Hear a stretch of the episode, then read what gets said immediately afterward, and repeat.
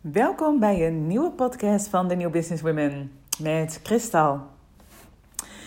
Nou, leuk dat je weer luistert. Ik wil het in deze podcast, om maar meteen met de deur in huis te vallen, hebben over investeren in jezelf. En met name als je dat lastig vindt om te investeren in jezelf. Wij herkennen dat, um, niet alleen bij de vrouwen die we spreken, maar ook zeker in het verleden bij onszelf. En nog steeds hebben we een soort van um, ja, spannend gevoel in onszelf als we ook daadwerkelijk het besluit nemen om in onszelf te investeren. En ik wil, je een, ik wil een inzicht met je delen dat ik um, een tijd geleden kreeg, hoe je anders hiernaar kunt kijken.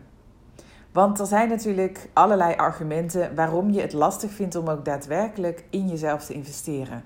Het kan zijn dat je het jezelf op dieper niveau niet waard vindt kan zijn dat je veel in schaarste denkt, dat je geld spannend vindt en dat je daardoor het uitgeven van geld aan jezelf, dat dat je onzekerheid geeft en dat vindt je brein en alles niet fijn en daardoor doe je het niet. Ehm, maar het kan ook zijn dat ja, investeren in jezelf voor jou gelijk staat aan kiezen voor jezelf en dat dat is, iets is wat je niet per definitie gewend bent, omdat je vaak eerst aan anderen denkt. Of het kan zijn dat, nou ja, dat je, het, dat je het precies, niet precies weet wat je ervoor terugkrijgt. Als je bijvoorbeeld in coaching gaat investeren en dat is een flink bedrag. Dan, nou ja, dan moet je echt je op beroepen op je vertrouwen en op uh, dat stuk. Op um, ja, dat het ook echt op gaat leveren wat je wil. En dat is soms ook lastig, want ons brein wil precies weten wat je gaat krijgen en hoe. En dat geeft dan een soort van schijnzekerheid en controle. En we zijn vaak als mens staan we aan op het hebben van controle. Terwijl het mooie is als je echt in de overgave kunt gaan, als je echt kunt gaan vertrouwen op het leven, op overvloed, dat je genoeg krijgt, dat er altijd genoeg zal zijn, dan valt het een stuk minder zwaar om in jezelf te investeren. Maar dat is eigenlijk niet het inzicht of de inzichten die ik met je wil gaan delen of waar ik je in mee wil gaan nemen. Die, die inzichten eh, kennen we allemaal. Ik wil je meenemen in een voorbeeld wat uh, me blijft triggeren. En dat is het volgende. Ik sprak iemand die zichzelf net als business coach op de markt zet.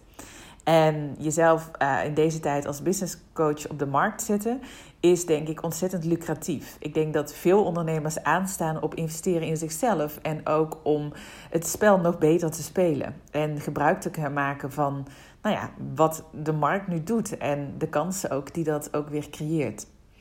Dus dat is een hele goede stap. En um, nou ja, deze uh, nieuwe business coach, um, zij heeft bij ons de Academy gedaan. Zij uh, vertelde mij dat zij zich wil gaan richten op high-level klanten. En met high-level klanten bedoelt zij mensen die dus hun bedrijf echt al wel even hebben staan, die gewend zijn al door diepe dalen en hoge pieken te gaan en die ook dus gewend zijn om te gaan investeren in zichzelf. Want dat is het. Als je kijkt naar succesvolle mensen, dan zijn dat allemaal mensen die in hun carrière altijd ook hebben geïnvesteerd. Of het nou is in geld, in tijd of in um, kennis, wat dan ook. Dat zie je bij succesvolle mensen. Er is geen succesvol iemand te bedenken die niet ook is gecoacht. Dat weet ik zeker. Want topsporters hebben ook coaches. Dus wil je naar je volgend level gaan, dan is het oké soms om, nou ja, ik denk juist heel verrijkend om daar ook iemand bij te vragen. Maar goed, deze uh, beginnende business coach, um, zij vertelde dat ze dus inderdaad met een high-level klant had gesproken. Iemand anders die echt succesvol is, mega succesvol is in haar werk. Echt al heel goed bekend staat in de markt, een grote groep klanten heeft, uh, veel publiek. En um, die beginnende business coach vertelde mij over het gesprek dat ze samen hadden gehad. Uh, deze beginnende business coach zou dus een opdracht gaan doen voor die high-level klant. Alleen, ze waren nog aan het onderhandelen over de prijs. Althans, ze, het pricingstuk was nog uh, iets wat ze aan het bespreken waren. Onderhandelen is misschien een groot woord. En wat mij triggerde was dat uh, deze high-level klant aan de beginnende business coach vertelde: Ja, ik uh, ben echt wel gewend om te investeren en ik investeer ook, dat durf ik ook vaak. Maar um, ik heb eigenlijk de vraag niet. Jij biedt je aan, dus kunnen we starten op een wat lager tarief. En wat ik hier zo mooi aan vind, is dat die, business, of die high-level klant eigenlijk zichzelf ging verdedigen voor het feit dat ze echt wel gewend is om in zichzelf te investeren. Dat ze daar niet bang voor is. Eigenlijk kreeg ik het gevoel dat investeren in jezelf een soort trots iets is waar je als mens dus ook trots op mag zijn. En dat, lieve mensen, is een andere benadering als het heel spannend vinden en allerlei argumenten bedenken waarom je niet in jezelf zou moeten investeren.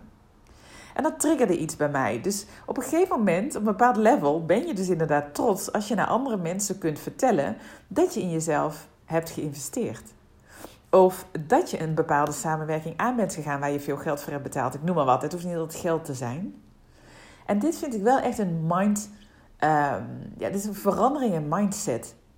Wil je horen bij de mensen die het niet doen en die nog zitten in die lagere energie vanuit ben ik het wel waard?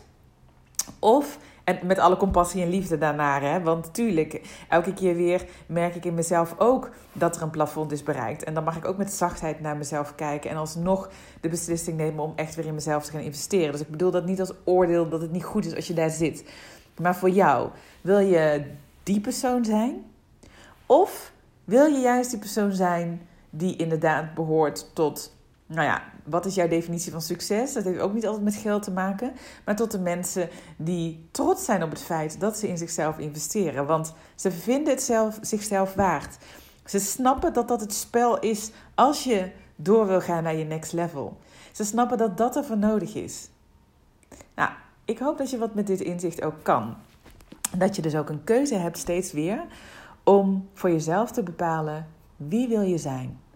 Waar je ook staat, op welk level je nu ook zit, maakt niet uit. Elke keer zul je merken dat er weer een nieuw plafond komt of een nieuwe comfortzone waar je tegenaan mag gaan schuren.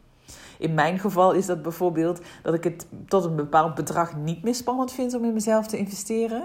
Maar om een of andere reden is er een bepaalde, uh, merkte ik aan mezelf dat er een soort bedrag uh, bestaat. Waarboven ik het spannend vind om in mezelf te investeren. Nou, en dat is heel leuk, want het is een uitnodiging om te kijken: oké, wie mag je zijn? Wie wil ik zijn? Om ook echt naar die volgende stap toe te groeien. En uh, nou ja, dat is iets wat we denk ik altijd onszelf mogen afvragen. Wie wil je zijn om echt naar dat next level te gaan? Wie moet je zijn om echt naar je volgende level te komen? En denk eraan, geld is maar energie. En hoe je naar geld kijkt, zo kijk je vaak naar jezelf en naar het leven. Dus aan jou de vraag: wie wil je zijn?